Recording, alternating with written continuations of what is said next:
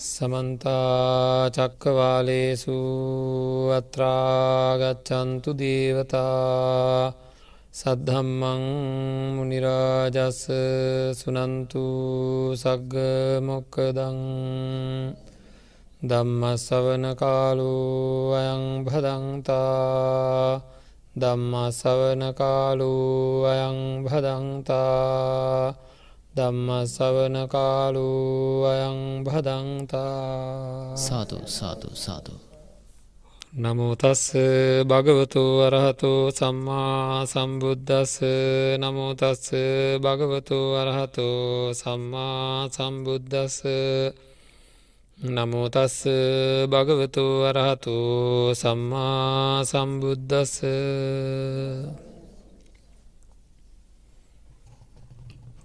පංචක්කන්දී තුච්චතු පස්සන්තෝ අනුලෝමිකංකන්තිං පටිලබති පංචන්නං කන්දානං නිරෝධෝ අතුච්චං නිබ්භානංති පස්සන්තෝ සම්මත්තනයාමං ඔක්කමතීති.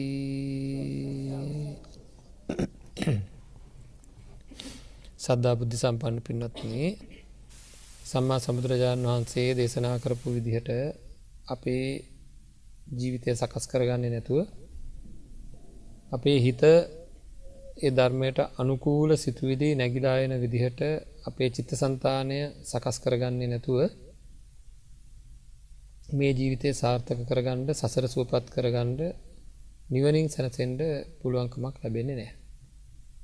ඉතිං අපි අපිට ලොකු වගකීමක් තියෙනවා මේ ලෝකයේ ඇත්ත තත්ත්වය තමන්ට අරමුණු වෙන විදිහට තමන්ගේ ජීවිතය සකස් කරගන්න එක. ලෝකයේ සත්‍ය තත්ත්වයක් තියෙනවා ඒ සත්‍ය තත්ත්වය අපිට අරමුණු වෙන්නේ නෑ. අන්න ඒක අරමුණු වෙන විදිහට අපේ හිත අපිට අපි සකස් කරගන්න ඕනෑ. මොහොතකටවක්වත් මේ ලෝකය නිත්‍යද නිත්‍ය නෑ කියලා අපි කියනවා අනිත්‍යයි කියලා කියනවා. ස්තීරව තියෙන්නේ නෑ කියලා කියනවා. එතකොට නමුත් මම මේ දැන් කිව්ව. අද ගෙදර යනකොට අපේ ගෙදර කෙනෙක් මැරිලා ඉන්න පුළුවන් කියලා.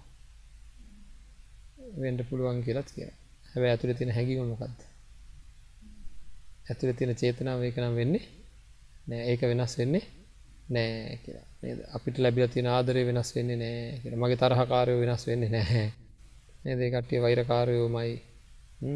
මේ විදිහට මේ ලෝකය පිළිබඳ පින්වත්න අපිට නිත්‍ය හැඟීම් තියෙනවා. නේද පැහැදිලිවම පංචුපාදානස්කන්දය සැපක්ද දුකක්ද.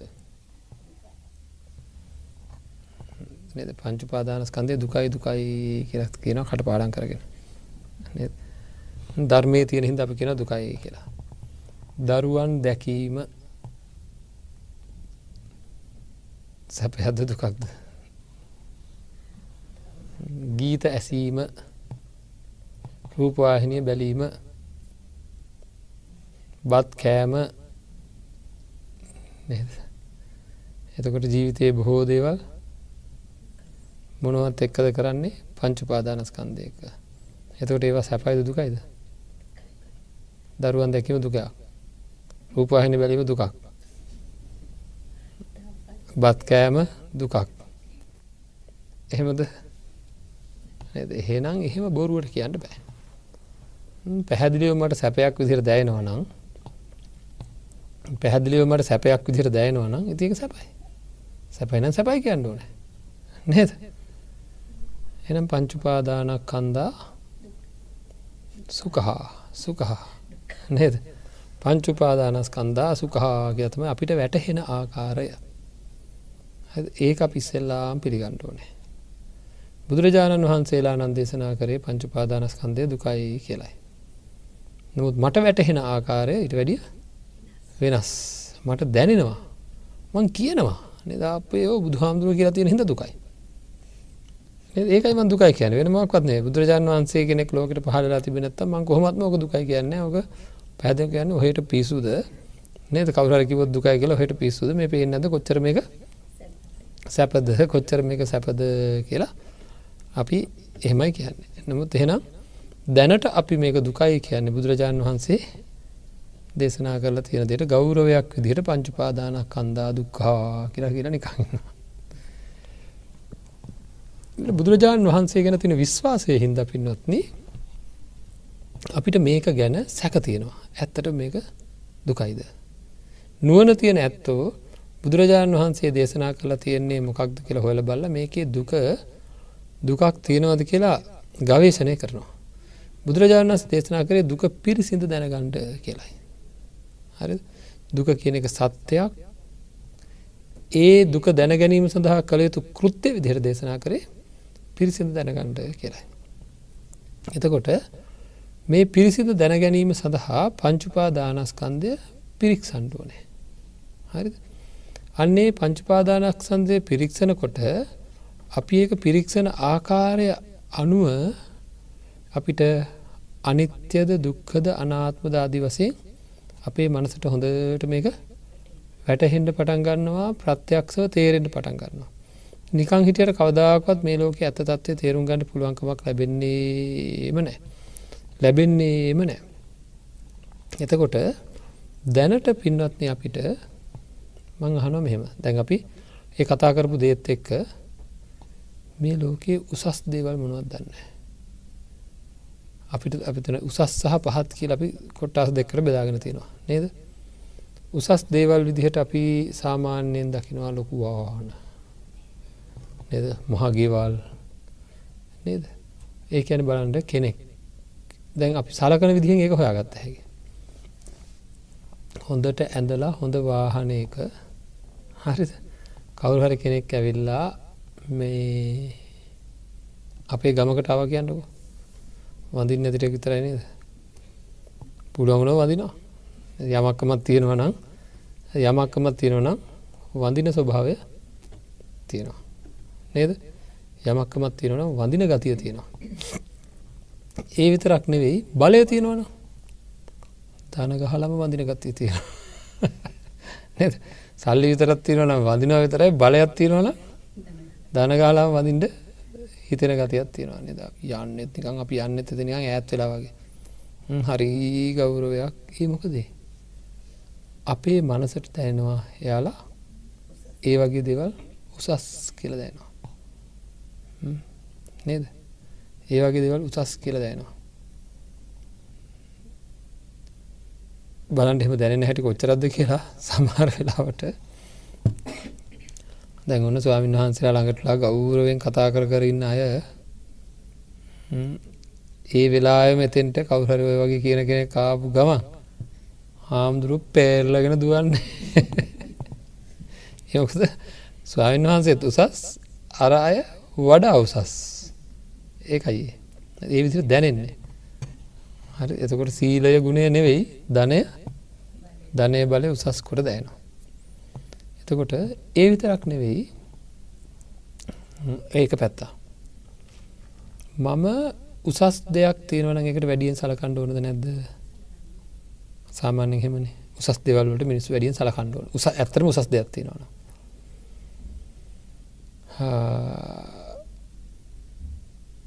තමන්ගේ දරුවා කියන කියන ආකාරයට නැත්තං හිතවත් අය ආදරේ අයට අපි වැඩියෙන් සලකනවද නැත්ත.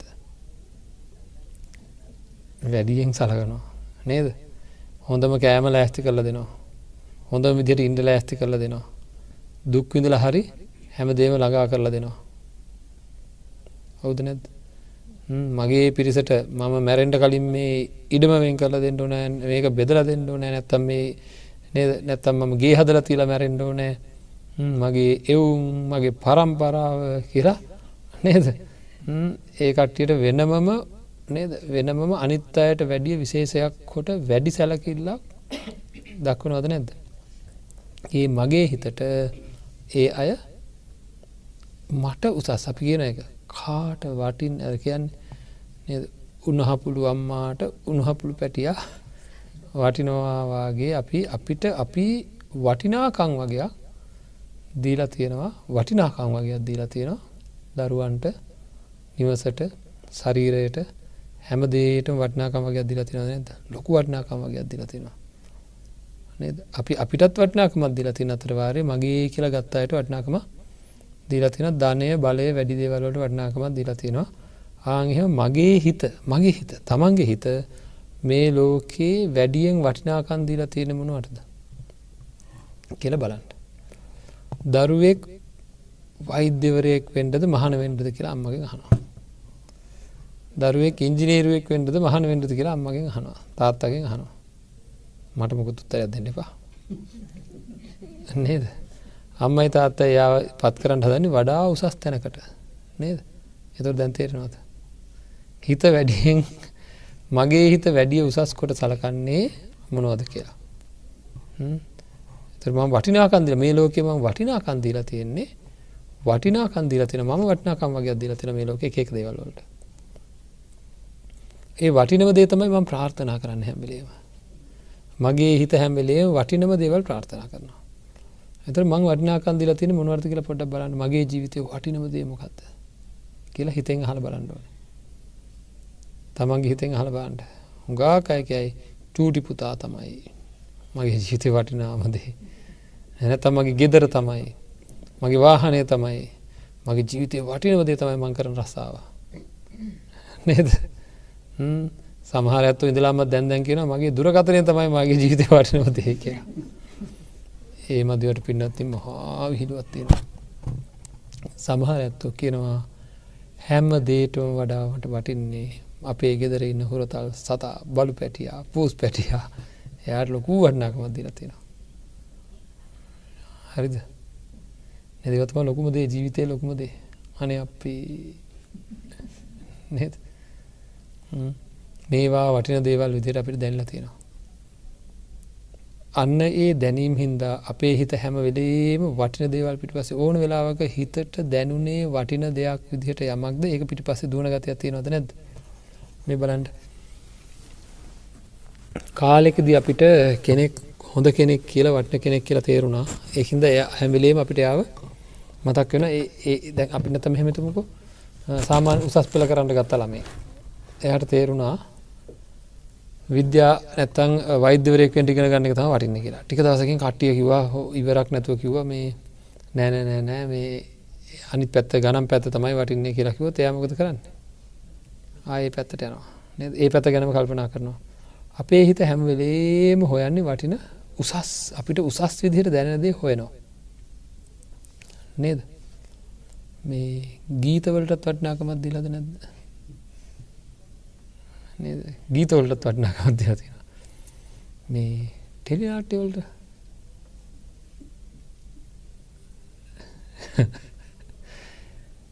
මොකද කියන්නේ? මන්දන්න නේද? එතකොට කෑම්බීමටත් වැඩි අර කියන්න වගේ ට්‍රේනාටයට වටිනාකමදර අප ඒක බලන්න නැතුව පුළුවන්ද? කියන්නේ. මෙව්වා නැතුව පුළුව නැතුව පුළුවන්ද නැතුව පුළුවන්ද නැතුව පුළුවන්ද කියලා එක එක වගෙන අපි කියනවා. නේද? එක ඒක දේවල් ගැන කියනවා. සිල් දවසටත් ඉතින් යන්ඩ පුළුවන් වෙන්නේ අනිත් වැඩ වටින වැඩ නැත්තන් තමයි. භාවනා කරන්න එහම යන්න පුළුවන් වෙන වටින වැඩ නැත්තන් අනිත් ලයිස්තුම කියනවා. අපිට මැවිල කියනවා. මඟ නොක දාව නැති බාලන්ටුක හමුදුරනේ මේ මේක වුණා මේක තිබ්බා මේක තිබ්බා මේ වැඩේ තිබ්බා මේ වැඩ තිබ තිම කල්පන කරනවා පලවෙනියමක යට වැඩියම වටින එක. බලනොට එක වැඩම් නැති එකක්. දෙවනටකිව යට තියෙන වටිනව එයට දැනෙන වටිනම එක. එකයි එහෙම වගේන්න ඇවිල්ලා. කොහොමද මං එන්නේ? මට මෙන්න මේ වැඩේ තිබ්බා? අපේ ගෙදර කවුරුවක්වත් හිටිය නෑ එතකොට පොල් එහෙමත් වැටෙනවා. ඒක හිද එදා කවරුවත් හිටියන ගේ බලාගන්නට කවරුවක්වත් හිටියන මංක සිල් ගණඩෙන්නේ ඇත්තනේ. එතකොට සීල භාවනා වැඩ සරහන්ට වැඩියයාට එයාගේ හිතට වටින්නේ ගේ බලා ගැනීම. තෙරනද වැඩිය වටින දේ තම අපි තෝරගන්න එක පාටම. ඒක හින්ද අපිට හරියට වැඩ ධර්මය තුළ හික්මෙන්ට වෙලා අඩු වෙනවා. ඕනම් වෙලාව අපි වටින දේට තමයි මූලිකත්වය අපේ හිත. එක මේ අපි කාගවත් තරත්දන්නේ අපේ හිත මූලිකත්වය දෙන්නේ වටින විදිහට දැනෙන දේට. වටින විදිහට දැන්න දේට. පොඩි පුතයි ලොක පුතයි දෙන්නම එකම වෙලාවක කෝල් කරලකව අම්ම අද උදේ අපේ ගෙදරෙන්ට කියලා. නැතන් අදරෑ අපේ ගෙදරෙන්ට කියලා. දෙන්නම එකම වෙලා කෝල් කරලා කිවා අද රෑ අද රෑ නවතින්ට අපේ ගෙදර එන්න අපිට වැඩ වගත්තින කියලා. අම්ම කොහෙද යන්නේ? දෙකට කල්ල දෙපැත්තර යවන්ඩ වැඩියෙන් අම්මට වටින් වැඩියෙන් අම්මට වටින්නේ කොහෙටද? ඒ වටින පැත්තර තමයි. මොකක්හරි අර පැත්තර එකක් කියල දාලා ඔය කිවට එයාගේ හිතට දැනෙන්නේ. එයාගේ හිතට දැනෙන දේ වටින පැත්තර තමයි යන්නේ. හරිද? ඇයි අපි මං අහන මේ අත්තගේ මුළු ගතවෙච්ච ජීවිත කාලේ ධර්ම අවබෝධයට යොදෝපු වෙලාව ඇද්ද. ධර්ම අවබෝධය සඳහා යොදවපු කාලය. කොච්චර කල් ගෙව්වද ද නේද? දවසකට විනාඩි එක්දා සාරසය හතරියයි. හරි යන්තන් දැන් පැයක් තියන බනහන අඩුම ගන පැයක්වත් අහන හොක කට්ටිමට කියනවම් පැයක්වත් අහනවා කියලා. නේද තුන්සිය හැටක්වත් හාරසියක්වත් බුතියනවා දවසේ. ඉතිරි දාහම මේ අනිත් වැඩවලට උයන්ඩෝ නෑ නාන්ඩෝ නෑ රෙදිහෝ දන්ඩෝ නෑ කතා කරකරින්ඩෝ නෑ ටීවි බලන්ඩෝ නෑ පත්තර බලන්ඩෝ නෑ ප්‍රවෘතිය හන්ඩෝ නෑ ඒ ඔක්කොටෝම මේ ශරීර නඩත්තුවට සහ ඒකේකට දාහක්ම ගිහි තුන්සිය හැටක් බුදියලා විස්සක් විසි පහක් තිහක්වත් භාවනාවකට දාලා නැද්ද මන්දා ඇයි ඒ? ඒකේ වටිනාකම දැනුනේ නෑ. වෙන ඒවට අපේ හිතේ වටිනාකන් දිලා තියෙන වෙන දෙවල් වගේකට. හරිද? හරි. දැන් අපි වටිනාකන් දීලා තියෙන මොනවර්ද කියලා බලමුද? හරි. හොඳයි. පුංචි කාලේ දරුවෙක් ඉපදුනා කියන්නකෝ. මේ දරුවාගේ ශරීරය දැකලා ඒක බොහෝම හුරතල් බොහෝම සෞම්‍යයි බොහෝම මිහිරී කියලා එකට වටිනාකමත් දුන්නද නැද්ද? අපි නො දැක ඉන්න බැරි තරං කියලා. ඒ වෙලා වටනාකන් දුන්න ශරීරය මාසයක් දෙකක් යනකට වෙනස් වෙලාද නැද්ද? ඇතට අර වටිනාකන් දුන්න එක දැන්න දැන් තියෙනකට අය වටනාකමත් දුන්නද නැද්ද? ඒක ආය අවුරුද්දක් විතරට වෙනස් වෙලාද නැද්ද? නද? එහෙනම් අපි වටිනාකන් දෙන යම් ශරීරයක් තියෙනවද? ඒ ශරීර නේද? ටික ටික වෙනස් වෙලා කෙස් පැහෙනවා බඩ එනවා එක ඒක විදිහ එක ඒක ජාති වෙනවා නේද? පාරේ එක අයන්න බැරි තරමට හරියනවා වැඩේ. ඒත් වටනාකමත් දෙෙනවා. නේද? ඉතින් අඩු වැඩි වසයෙන් දෙන වටනාකන් එතට අපිට අපි වටිනාකන් දෙන්න හැම්බලේ වෙනස් වෙන දේවල් වගේකට ඒවා නවත්තන්ට බෑ. එක හරි ඊළඟට ඒ වටිනාකන් දුන්න සිත්. දරුවාගේ සිත කියන්නකෝ. ඒ දරුවාගේ සිතෙහි මං කෙරෙහි තියෙන බැඳීම ආදරය කියන එක හැම්ම වෙලේම පොඩිකාලෙදම් මේ වෙනකං නිරතුරුව වෙනසකට භාජනය නොද නැද්ද?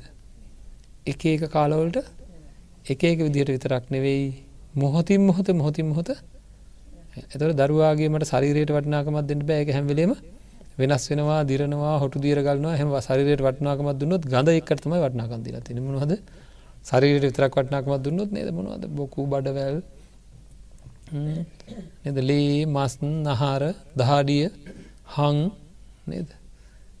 ඒවට වටනාකමත් දිලා තින ම. එහන ඒවට වටනාකමත් දෙන්නට බැහැ නමුත් ඊළඟට දරුවාගේ සිතුවිලි කියලා ගත්තොත් එහෙම ඒවත් දෙමව්පියන්ට හොඳටම අත්දැකීමක් තියෙනවා. මොකද?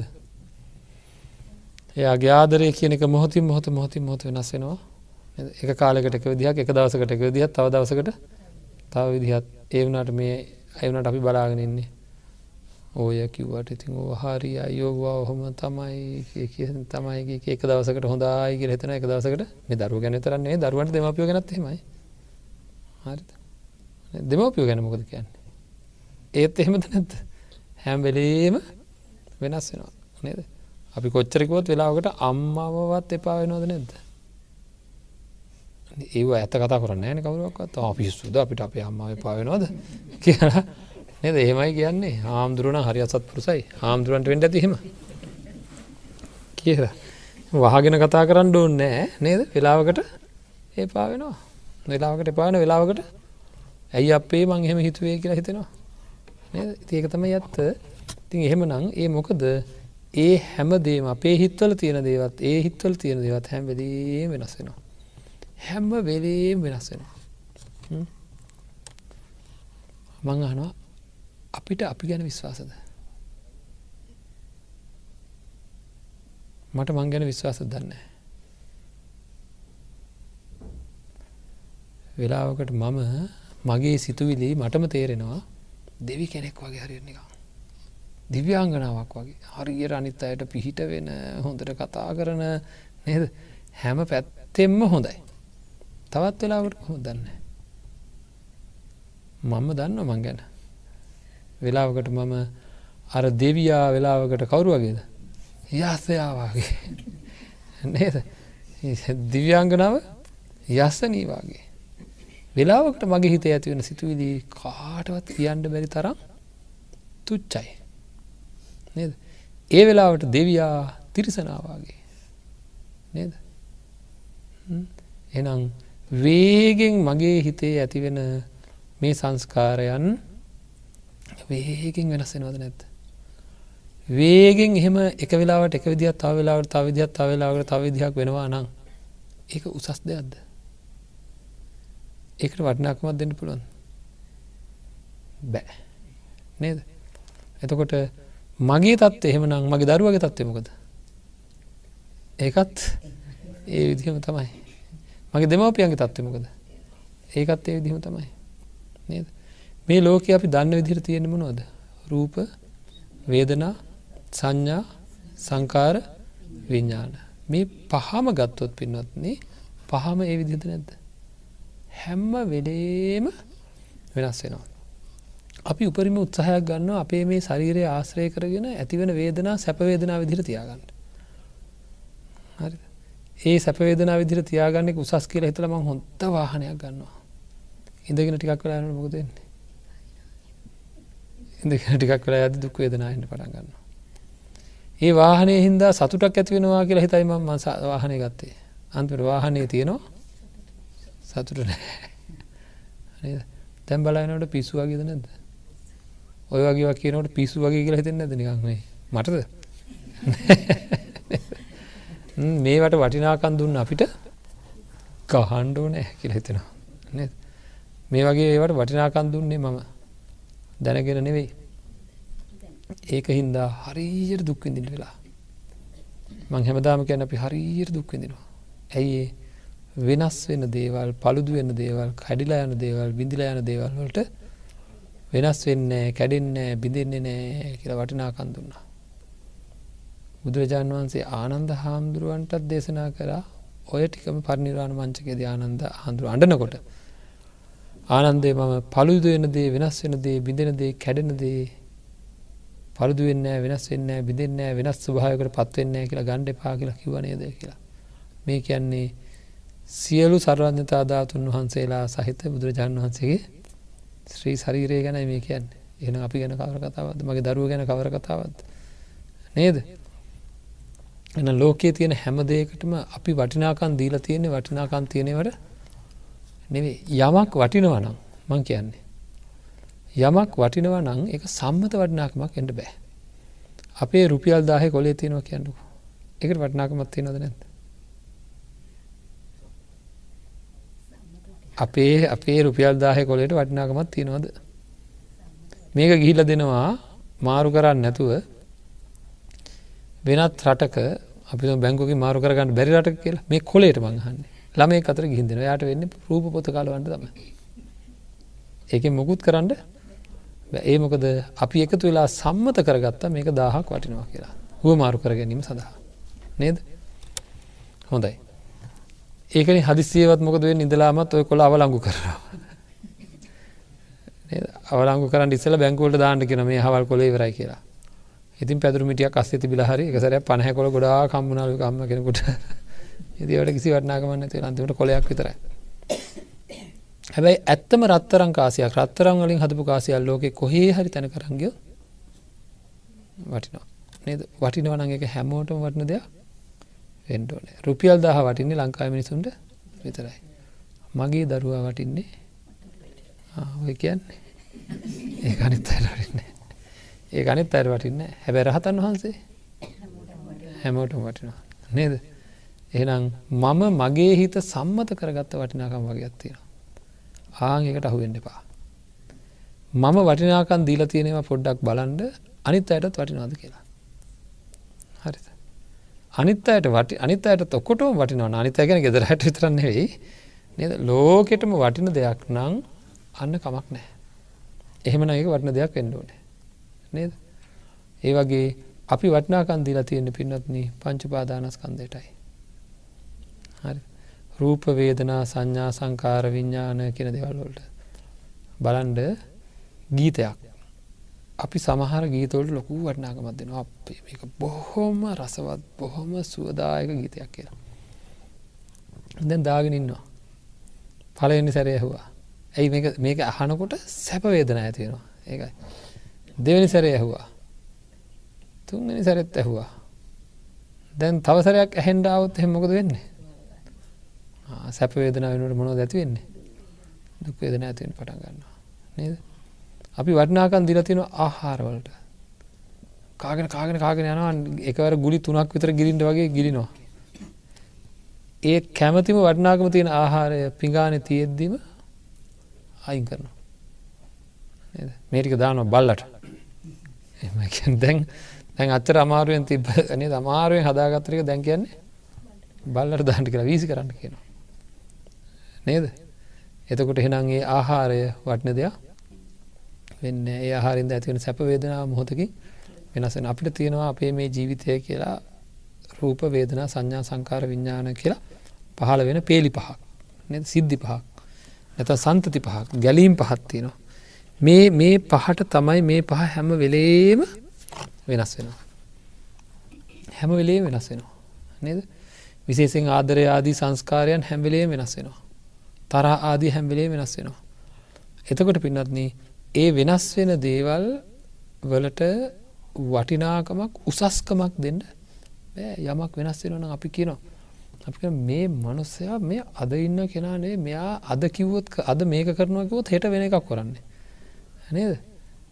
හෙට මේක කරනවකුත් වෙන එකක් කරන්නේ. කරනවා කියන එක කරන්න කරන්න කියන එක කරනවාගේ අපි කියෙන මේ මනුස්සයා මහා තුච්ච මිනිහෙක් කියෙන නේද? තුච්ච මනුස්සෙක් කියන එහෙම කිනව නේද? එක උසස් නෑ කියන එකයි කියන්නේ. උසස් කොට ගණ්ඩ බෑක මට මගේ හිත කියනවා ඔහේ අරගෙන අර මියමගෙඩියක් දියවුඩ වක් කරනවකෝ එතකොට උසස් සැපයක් ලැබෙනවා කියලා. උසස් වේදනාවක් ලැබෙනවා කියලා.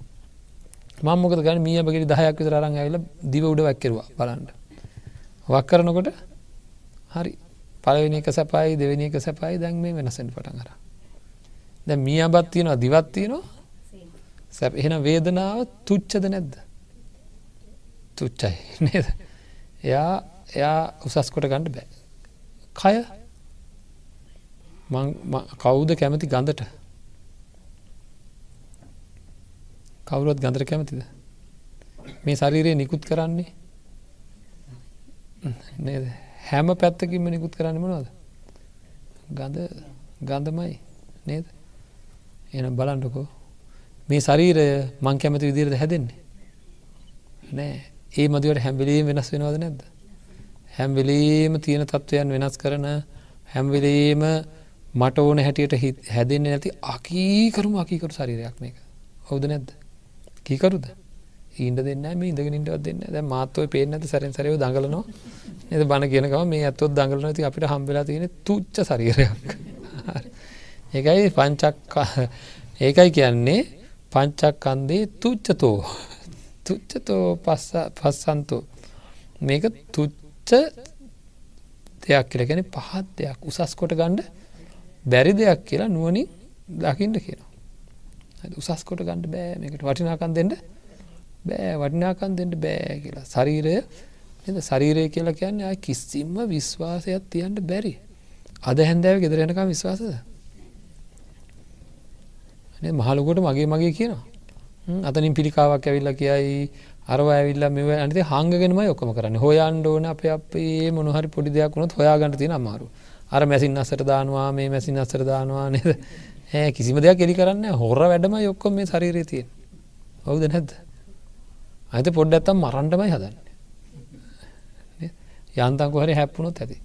අපි තින් මැරෙන්න්නතුව බේරෙන්ට පුදුම පුදුම මහන්සයක් දරන හැප්පෙන්ට බෑ වැටෙන්ට බෑ ලෙඩ හැදෙන්ට බෑ විස බීජයන්ට බෑ නොකායින්ට බෑ වතුරදාන්නතු ඉන්ට බෑ නාවන්නතු ඉන්ට බෑ බුදිකරවන්නතු ඉන්ට බෑ. ඇති මේ වගේ මහා අපි මහා උසස් කියලා හිතාගන්න ශරීරය බලම ඒ මතිකට එලියට දාන්නම ගඳ දේවා අනිත කියනවනම් මොනහරි කිව්ව වෙලාම කරන්න බෑ. නද? මගේ කියලා ගත්ත මේ ශරීරය. මම ලොකු සාකච්ඡාවකට ගිහිල්ලා. යනකොට මට කියනවා දාන දාන දැන් එලිට දානවා කියලා කිවොත්තෙම ඇඟ ඇතුළ තියෙනවා ඔක්කොම වැඩදක දයන්න ඕන. නේද? ඇති එහෙම තම දඩුවන් දෙන්නේ. පුදුම දඩුවන් වගේ අත්තියෙන මේ ශරීරය හින්ද. එන මේ ශරීරයක් උසස් කොට ගන්න බෑ. වේදනාව ඊට හපා නේද? වේදනාව ඊට හපන්. ඒක මේ හොඳට තියෙනවා. මේ නරකට ඒකත් දිකට දෙනවා ප්‍රහාර. එක්ක දිගට කණ හරහා නහය හරහා ඇහරහා නේද? චකුරෝගෝ සෝතරෝගෝ ජීවරෝගෝ කායරෝගෝ කන්න රෝගෝ මුකරෝගෝ දන්තරෝගෝ කුච්චි රෝගෝ කික ඔය ඔක්කොම ඉදිකටු අයිනවාගේ මොන තරම් මේ ශරීරයට සැලකුවද? කියන්න බලන්න. ජීවිතය වැඩියෙන්ම කරලා තියෙන මොකක්ද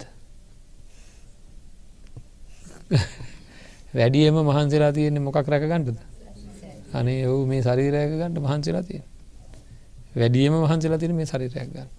එච්චර කරපු ශරීරය අපිට අනි පැත්ත සලකන විදිය දන්නවා ඉතින් එහෙනම් එහෙනම් මොහොතකට හිතල බලන්ඩ වන මේක උසස් කොට ගණඩ බෑ. වේදනාව උසස් කොට ගණඩ බෑ. සංඥාව? ඒත් එහෙමයි. නේද? සංඥාමකදය කරන්නේ? මට රිදවන මට වෙහෙස ඇති කරවන මට එපාවෙන තේරුමක් නැති වැඩක් නැති දේවල් උපද්දවනවද නැද්ද? මං දැ මේතිකේ බණ කියනකොට කිව්වා මළගෙදරක් වගේ දෙයක් වුණා මටිතින් අමත කරන්න ඕනේ අතීත මතකය. නේද? මොකද වෙන්නේ? යාළුවෙත් දකිනකොට ඇඳපු දේව දකිනකොට හිටපු තැන් දකිනකොට බීපු තේක් බීපු කෝප්ප දකිනකොට නේද? හැම්ම වෙදේම මැරෙන්ඩ ඕන්න ප්‍රියගෙන් වුණා කියන්නට කොච්චර මතකයන් ගලාගෙන ගලාගෙන එවනවාද මෙහට? තමුසේ විදෝනවා දැම් විදෝනවා කිය ලෙවන්නේ ඒවගේ හරිරණ එක මාතක එකතු වෙලා කලින් කලින් මේ සංඥාවල් එකතු වෙලා අවුන්දයි ඔය ඉන්නේ මේ තියෙන්නේ කියලා ලෑස්ති කර ගත්තා ඊට පස දැ වැඩ වැරදුනට පස මයමකත කරන්න? වැඩ වැරදුනට පස හරිදිරන උසස් කරෙක් නම් අමත කරන්න දව කරන්න ආ දැන් අමතක් කළදාම කියලා. මේකෙමනෑ පොඩ්ඩ ඇත්තමකද කරන්න? පරණ මතකයන් ඔක්කෝම වන රිදෝගන්නවක රිදෝගන්නවක කියලා. එනම් සංඥාව කියන එක උසස් ලක්ෂණද තියෙන්නේ? පහත් ලක්ෂණ තියෙන්නේ? පහත් ලක්ෂණ තියෙන්නේ. නේද? ඉති ඒ එතකොට සංස්කාර ඒත් එහෙම නේද? ආදරය ආදි හැම්විලේම් වෙනස් වෙන පහත් පෙළේ ස්වභාවයක් තමයි මේ අකුසර සංස්කාරය තියෙන්නේ. ඒ විතරක්ද විඤ්ඥානය කෙනෙකත් එමයි අපේම කිය අපි ගත්ත විඤ්ඥානය තමයි චක්කු විඤ්ඥානය කියන්න. ඇහේ තියෙන පෙනීමේ දැනීම කනේ තියෙන ඇසීමේ දැනීම නේද? මේ පෙනීමේ දැනීම හොඳේව පේනකොටත් දැයනවා නරකව පේනකොටත් දැයනවා හොඳ ඒවා නරකේවා කියලා කිසිීම වග විභාගයක් නැතුව චක්කු විඤ්ඥාන සෝත විඤ්ඥාන ගාන විඤ්ඥාන ජීවයා විඤ්ඥාන ඇති කරවනවා නං ඒවා උසස් කියලා ගණඩ පුළුවන්දමට එනම් මගේ ළඟ මෙතන සකස් වෙන මගේ කියලා අජ්‍යත්තිකව ගත්ත හැම දේකම තියෙන පහත් ගති. පංචුපාදානස්කන්දය තියෙන්නේ තුච්ච ස්වභාවයක්. අනුන්ගේ කියලා ගත්තේ බලලා තියෙන්නේ ඒ වගේම ස්වභාවය ඒවා මට මගේ කොට ගණ්ඩ පුළුවන්කමක් නෑ. මට ඕන හැටිට පවත්ත ගණඩ පුළුවන්කමක් ඇත්තේ නෑ. මට ඕන ඇතිට උසස් විදිහට පවත්ත ගණ්ඩ පුළුවන්කමක් ඇත්තේ නෑ පින්නත්න්නේ. මේ තුච්චතෝ කියලා මෙනෙහි කරන්න අපි අනාත්ම සංඥාවක් අනාත්ම හැඟීමක්. හරිද? ඒන්නේ මේක උසස් විදිහට පවත්ත ගණ්ඩ මට මේ පංචුපාදානස්කන්දය බෑ. හරි ඒක ඒකට ඕන විදිහට පහත් විදිහට පහත් වැඩ කෙරෙන විදිහට තමයි පවතින්නේ. එතකොට මාව හරි අසරණ තත්වකට පත්වන එතකොට. මොකද කියන්න? නේද? එතකොට මම උසස්කොට වටිනාකන් දීලා තියන්නේ කවදාකත් උසස් කරලා ගණඩ බැරි දේවල් ගැන. දැම්මකද කියන්නේ? පංචු පාදානස්කන්දය දැන්කි දැන් ඔය ඔටික හගත්තර පස පංචු පාදානස්කන්දය සැපයි කියල හිතෙන්ද නේද අන බලට දැන් අපිට තේරෙනවා මේක අල්ලන්ට හොඳ එක නෙවෙයි මේක භයානක දෙයක් මේක තුච්ච දෙයක් මේක උසස් කොට ගණ්ඩ පුළුවන් දෙයන්න මේ කියලා. අන්න ඒ ඇත්තන්ට පින්නත්න මේ ලෝකයේ බලතල නිලතල බලවන්තකං මුදල් වටිනාකමක් ඇත්තේ ඒවට උසස් තත්ත්වයක් දෙන්නේ නෑ. දරුවන්ට ගෙවල් දරවල් වලට දෙමවපියන්ට ඥාතීන්ට භවභෝග සම්පත්වලට උසස් තත්ත්වයක් ඒ හිත්වල එන්නේ නෑ. හරි ඒක හින්දයි එදත් බොහෝ ඥාති පරිවට්ටයන් බෝගස්කන්දයන් දාලා නේද? ප්‍රෞද්ජාභමයට පත්වනි බුදුරජාන් වන්සගේ බණහපු ඇත්තෝ. මේවාට උසස්කන් දුන්නා කියලා ඒවයි මට කිසිම ප්‍රයෝජනයක් එන්නේ එමක දේවට උසස්කන් දෙන්නට බෑව හැම්වලේම වෙනස් වෙනවා. මේ උසස් කියලා ගණ්ඩ බැරි දේවල් අස්සේ රිංගරිංග දඟලන උසස් කියලා හිතන මේ හිත වෙනස් කරන්න ඕන. නැත්තන් අපේ හිත මොකද කරන්න? ඒවත් එක්කම නටනවා. ඒවත් එක්කම දකලනවා ඒක දැනගත්ත නුවනැති කුලපුත්‍රයෝ තමයි කල්පනා කරන්නේ මගේ හිත වෙනස් කිරීමේ මාර්ගය පිරිසිදුවම පරිපූර්ණව මේ ඉක්මටම කර ගණ්ඩෝ නෑ නැතම් මොකද ඉක්මටම කර ගණ්ඩෝන ඉක්මට කර ගණ්ඩුව හිල තිරන දෙක්ෙන ඉක්මට කර ගණ්ඩෝන වැඩේ. ඇයි? මේ හිත වෙනස් කිරීම කර ගණ්ඩෝන කර ගණ්ඩෝන කියලා කියන්න. නියම උසස්දේට උසස් වටිනාකන් දෙන විදිහට අපේ හිත සකස් කරන්න ඕන. එහෙම සකස් කරාද කියලා බලාගන්නේ ජීවිතේ අපි බලන්ට දැනට වටිනාකන්දීලා තියෙන මොනවද? පොල්වත්තටද නැත්තං ගෙදර බලාගන්න එකද මුණපුරෝ බලාගන්න එකද සිල්ගන්න එකද කියලා බලන්නක පොඩ්ඩ මගේ හිත කෝකටද වටිනාකන් දීලා තියෙන කියලා බලාගන්න. හරි භාවනා කරන එකටද කෝකට වටිනාකන් දීලා තියෙන ධර්ම අවබෝධයට කොච්චර කොච්චර කාලය අපි වටින දේට තමයි කාලය මිඩංග කරන්න. වටින දේට කාල මිඩක් කර වෙනස් වෙන දේ පළුදු වෙන දේ කැඩෙන දේ බිඳන දේ නැතිවෙන දේෙන් ඇති පලක් නෑ. තැන්වත් අනි පැත්ත හැරෙන්ට පටන් ගණ්ඩෝ නෑ හරි දැනගෙන ජීවත්තෙන්ට මේක තේරම ඔක්කොටුවම් පැවිදිට කෙනෙකද පැවිදුනත් වැඩක් වෙන්න මං වැඩිය වටනාකම් දුන්නේ අරන්නේ ගොඩ නැගිලියෝටි කරන පොඩිසු හමිනාන්සලාට නම්. ලාභයට නම් කීර්තියට නම් ප්‍රසංසාවට නම්. නැතම් මගේ ළඟට කවුහරි මැති ඇමති ගොල්ලක්කාවන ඒ කට්ටියට නම්. වඳින් නැතිටික විතරයි නම්. වඳින් නැතිටික විතරයි නම්. ඇද පුළුවන්නම් වදිනවා බෑන මේ චීවරත එක නේද? එහෙමනම්. එහෙමනම් මේ පැදි ජීතෙන් ඇති වැඩ ඇති වැඩන්නෑ පැවිදි ජීවිත තේරුම් අරන්න එහෙමනම්. ඒකන සමාජයට සේවයක් කරන්න එපා කියන එකද? නෑ. කරන්න ඕනෑ පින්නත්න්නේ තේරුම් අරගෙන. අයහපත් කෙනා යහපත් අත්වයට පත් කිරීම සඳහා විතරක්. නොතේරුණ කෙනා තේරණ කෙනෙක් බාට පත් කිරීම සඳහා විතරක්. අහවල් කෙනගේ ලාභය අහවල්දේ ලොකුවට ගන්න නැතුව. දේශපාලක්ඥා එක්ක කටයුතු කරන්න ඕනෑ පැවිද්දා. මොකටද. දේශය පාලනය කරන දැන දේශපාලක්ඥා කියන්නේ නෑ හොරා තක්කඩියා ගාගණ්ඩෝන එක්කෙනා කියනක නෙවේ ඒ අපි වැරදීම. දේශපාලක්ඥය විතරන්නේ අනිත් අයත් හොරු ඉන්න තක්කඩිය ඉන්න දේශපාලක්ඥයා කියන්නේ මොකාද? දේශය පාලනය කරන කෙනා. දේශය පාලනය කරන කෙනාත් එක්ක ස්වාමින් වහන්සේ කටයුතු කරන්න ඕනෑ මොකටද. එතකොට තමයි ඒ තැනැත්තෝ ධර්මානුකූල වෙන්නේ. නේද ධර්මානුකූල ඒ සඳහායි කටයුතු කරන්න ඕනේ. නේද. එහෙමයි දේශය පාලනය කරන්න උදව් කරන්න ඕනේ.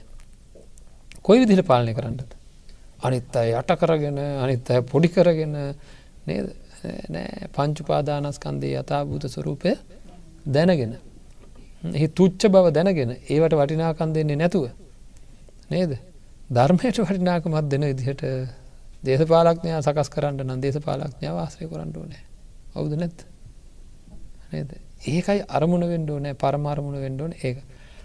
ඉති ඒකද ඕනම දෙයක් අපිට කරන්න පුළුවන් පින්නද මේ අත්තන්ටත් එහම ඇගවල් දොරවල් යානවාහන ඉද ඉඳුම් හිටුම් ඔක්කොමත් ඕන. ඇති ජීවත්වෙන්ට පෑ හැබැයි මේක දන්න අය උසස් දේ එකතු කරනවා මිසක් පහත්දේ එකතු කරන්නේ නේද? ගොඩ දේවල් එකතු කරගන්න ජීවිතය ගොඩ දේවල් එකතු කරගත්තා කියලා පරම්පරා ගානකට එකතු කරගත්තා කියලා ඒවට ධනයටවත් බලයටවත් මට මරණාසන්න මොහොතේ මුකුත් කරන්න බෑ. අපේ හිත වෙනස් කරන්න ඕනේ. අපේ හිත සිතුවිලි ඇති කරන්නේ අපි දන්න විදිහට. නේද? එනම් පංචුපාදානස්කන්දය පිළිබඳව මෙන්න මේ වගේ වටිනාකමක් දෙන්නට බැරි දෙයක් විදිහට දැනෙන විදිහට අපි මොකද කරන්න ඕන? ඒ පිළිබඳ ගවේශනය කරන්න ඕන හොයන්ඩ ඕනෑ. සත්පුරුසයි කියලා හොඳයි කියලා මනුස්සයෙක් ගැන හිතාගන්න මටිතින් යාගෙන හරි සතුටක් ඇතිවෙන්නේ මේ බලන්න මේ උදාහරණ මෙතට කොච්චර ගැලපෙනවද කියලා. පංචුපාදානක්කන්දා සුකහා කියලක වනේ දිස්සෙල්ලා හරිද? අපි මනුස්සයෙක් ගැන හිතාගන්න සත්පුරුසයි කියලා. හොඳ කෙනෙක් කියලා. එයා මතක් කෙනකටත් මට සතුටක් ඇතිවෙන හම්බුණ හම සතුටක් ඇති වෙනවා. නේ අන්න බන සතුටක් ඇති වෙනවානේ. හැබැයි පැහැදිලි අසත්පුරුසයෙක් අපි දන්නේ මේකෙන් හොඳ තේරුම් ගන්නු මේ කියන කාරණාව. එය පැහැදිලි අසත්පුරුසයෙක් අපි දන්න හැබැයි අසත්පුරුසයෙක් කියලා.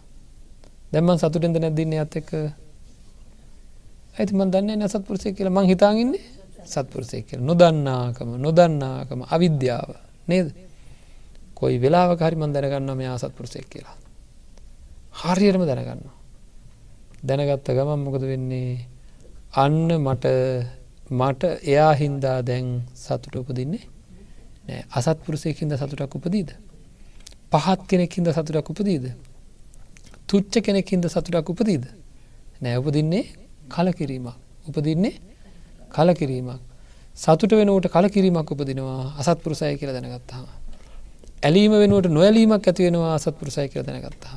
ග්‍රහණය වීම වෙනුවට අතහැරීමක් ඇති වෙනවා අසත්පුරුසය කියල දැනගත්තා. ඔවුද නැද්ද? පංචුපාදානස්කන්දේ තියෙන් අපි දැම් බලපුහාම සත්පුරුස ලක්ෂණද අසත්පුරුස ලක්ෂණද? අසත්පුරුස ලක්ෂණ ඇතින් තුච්ච ගති තියන්නේ. ගැන ඔක්කොම හැමලීම වෙනස් වෙනවා. අපි කියන විදිර තියෙන්නේ නෑ. නේද?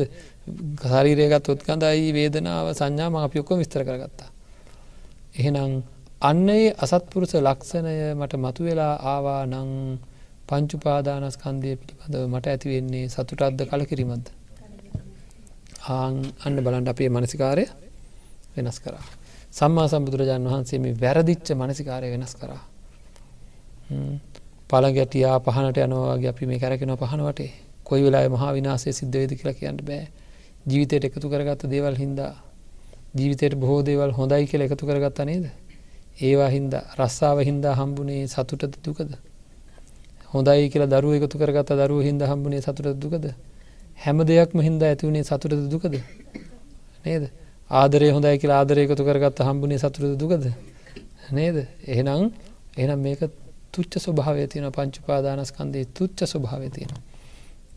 අන්න ඒක දැනගත්ත කෙනා ඒක තේරුම් ගත්ත කෙන ඒ හැඟීම උපදවා ගත්ත කෙනා පින්වත්න්නේ මොකද කරන්නේ? ආයසරයක් පංචුපාදානස්කන්දය අරමුණු වෙනකොට එයාට ඒවා උසස් විදිහර දැනෙන්නේ නැතු යනවා හොඳයි. කොහම නමුත් කමන්න මං අන්තිමට මේ බණ මාලාවේදීම අන්තිමට හන ප්‍රශ්නය හැමදාම දැම්මොකද හිතෙන්නේ පංචුපාදානස්කන්දය ගැන. ඒක පහත් විදිර දැන උසස් විදිරද. පහත් විදිහර දැයනවා කොච්චර වෙලා තියේද හැඟීම? නේද? මේ හැඟීම කොච්චර වෙලා තියේද? ඕකට මම කියන සංසාර ප්‍රශ්නය කියලා. සසර මුණේ ඕක. සසර සැරෙන් සැරී සැරෙන් සැරේ අපිට සීහ ඉපදුනා. ඉපදුනට ඒ සිහ නැති වුණ ආයසරය හරිද? ඒ සිහ නැති වුණා. ඒ නැති වුණේ ඇයි? අකුසල්. අකුසල් අරමුණු වෙනකොට සිහිය නැති වෙන මේකට මොකද කරන්න ඕන? මේ වෙලාවේ පැයක් මාත් එක්ක විනාඩි පණහක කාලයක් මාත් එක පංචුපාදානස්කන්දය තුච්චයි කියලා කතා කරපු හම දැන්ගෙන හැඟීමමකක්ද තුච්චයි කියලා. නේද? එහම නේද? මං එක කතා කරන ගම මේ කටිය ගැන ඒත් එක්ක තමන්ගේ මනසිං විමසුවද නැද්ද? මනසිං ඒක තුච්ච ස්වභාවය තියෙන කියලා විමසපු හින්දා දැන්ගෙන හැඟීම තුච්චයි කියලා. එකන්නේ මෙනෙහි කරපු හින්ද මාත්‍යක එකතු වෙලා දැන් ඒ හැඟීම එනවා. මෙනෙහි කිරීම හින්දා ඒ හැඟීම ඇති වුණා.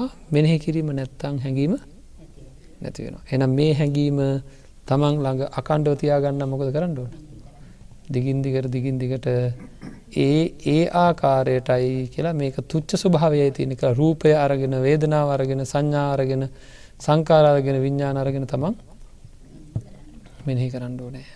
හරි රූපයකවම තමන්ගේ සහ අනුන්ගේ වසයෙන් වේදනාකව තමන්ගේ සහ අනුන්ගේ වසයෙන් ඔය විදිහට අරගෙන මෙහි කරනවා. මොකද තුච්ච ස්වභාවය කියන්නේ? එක දිකට පවත්තන්න බෑ.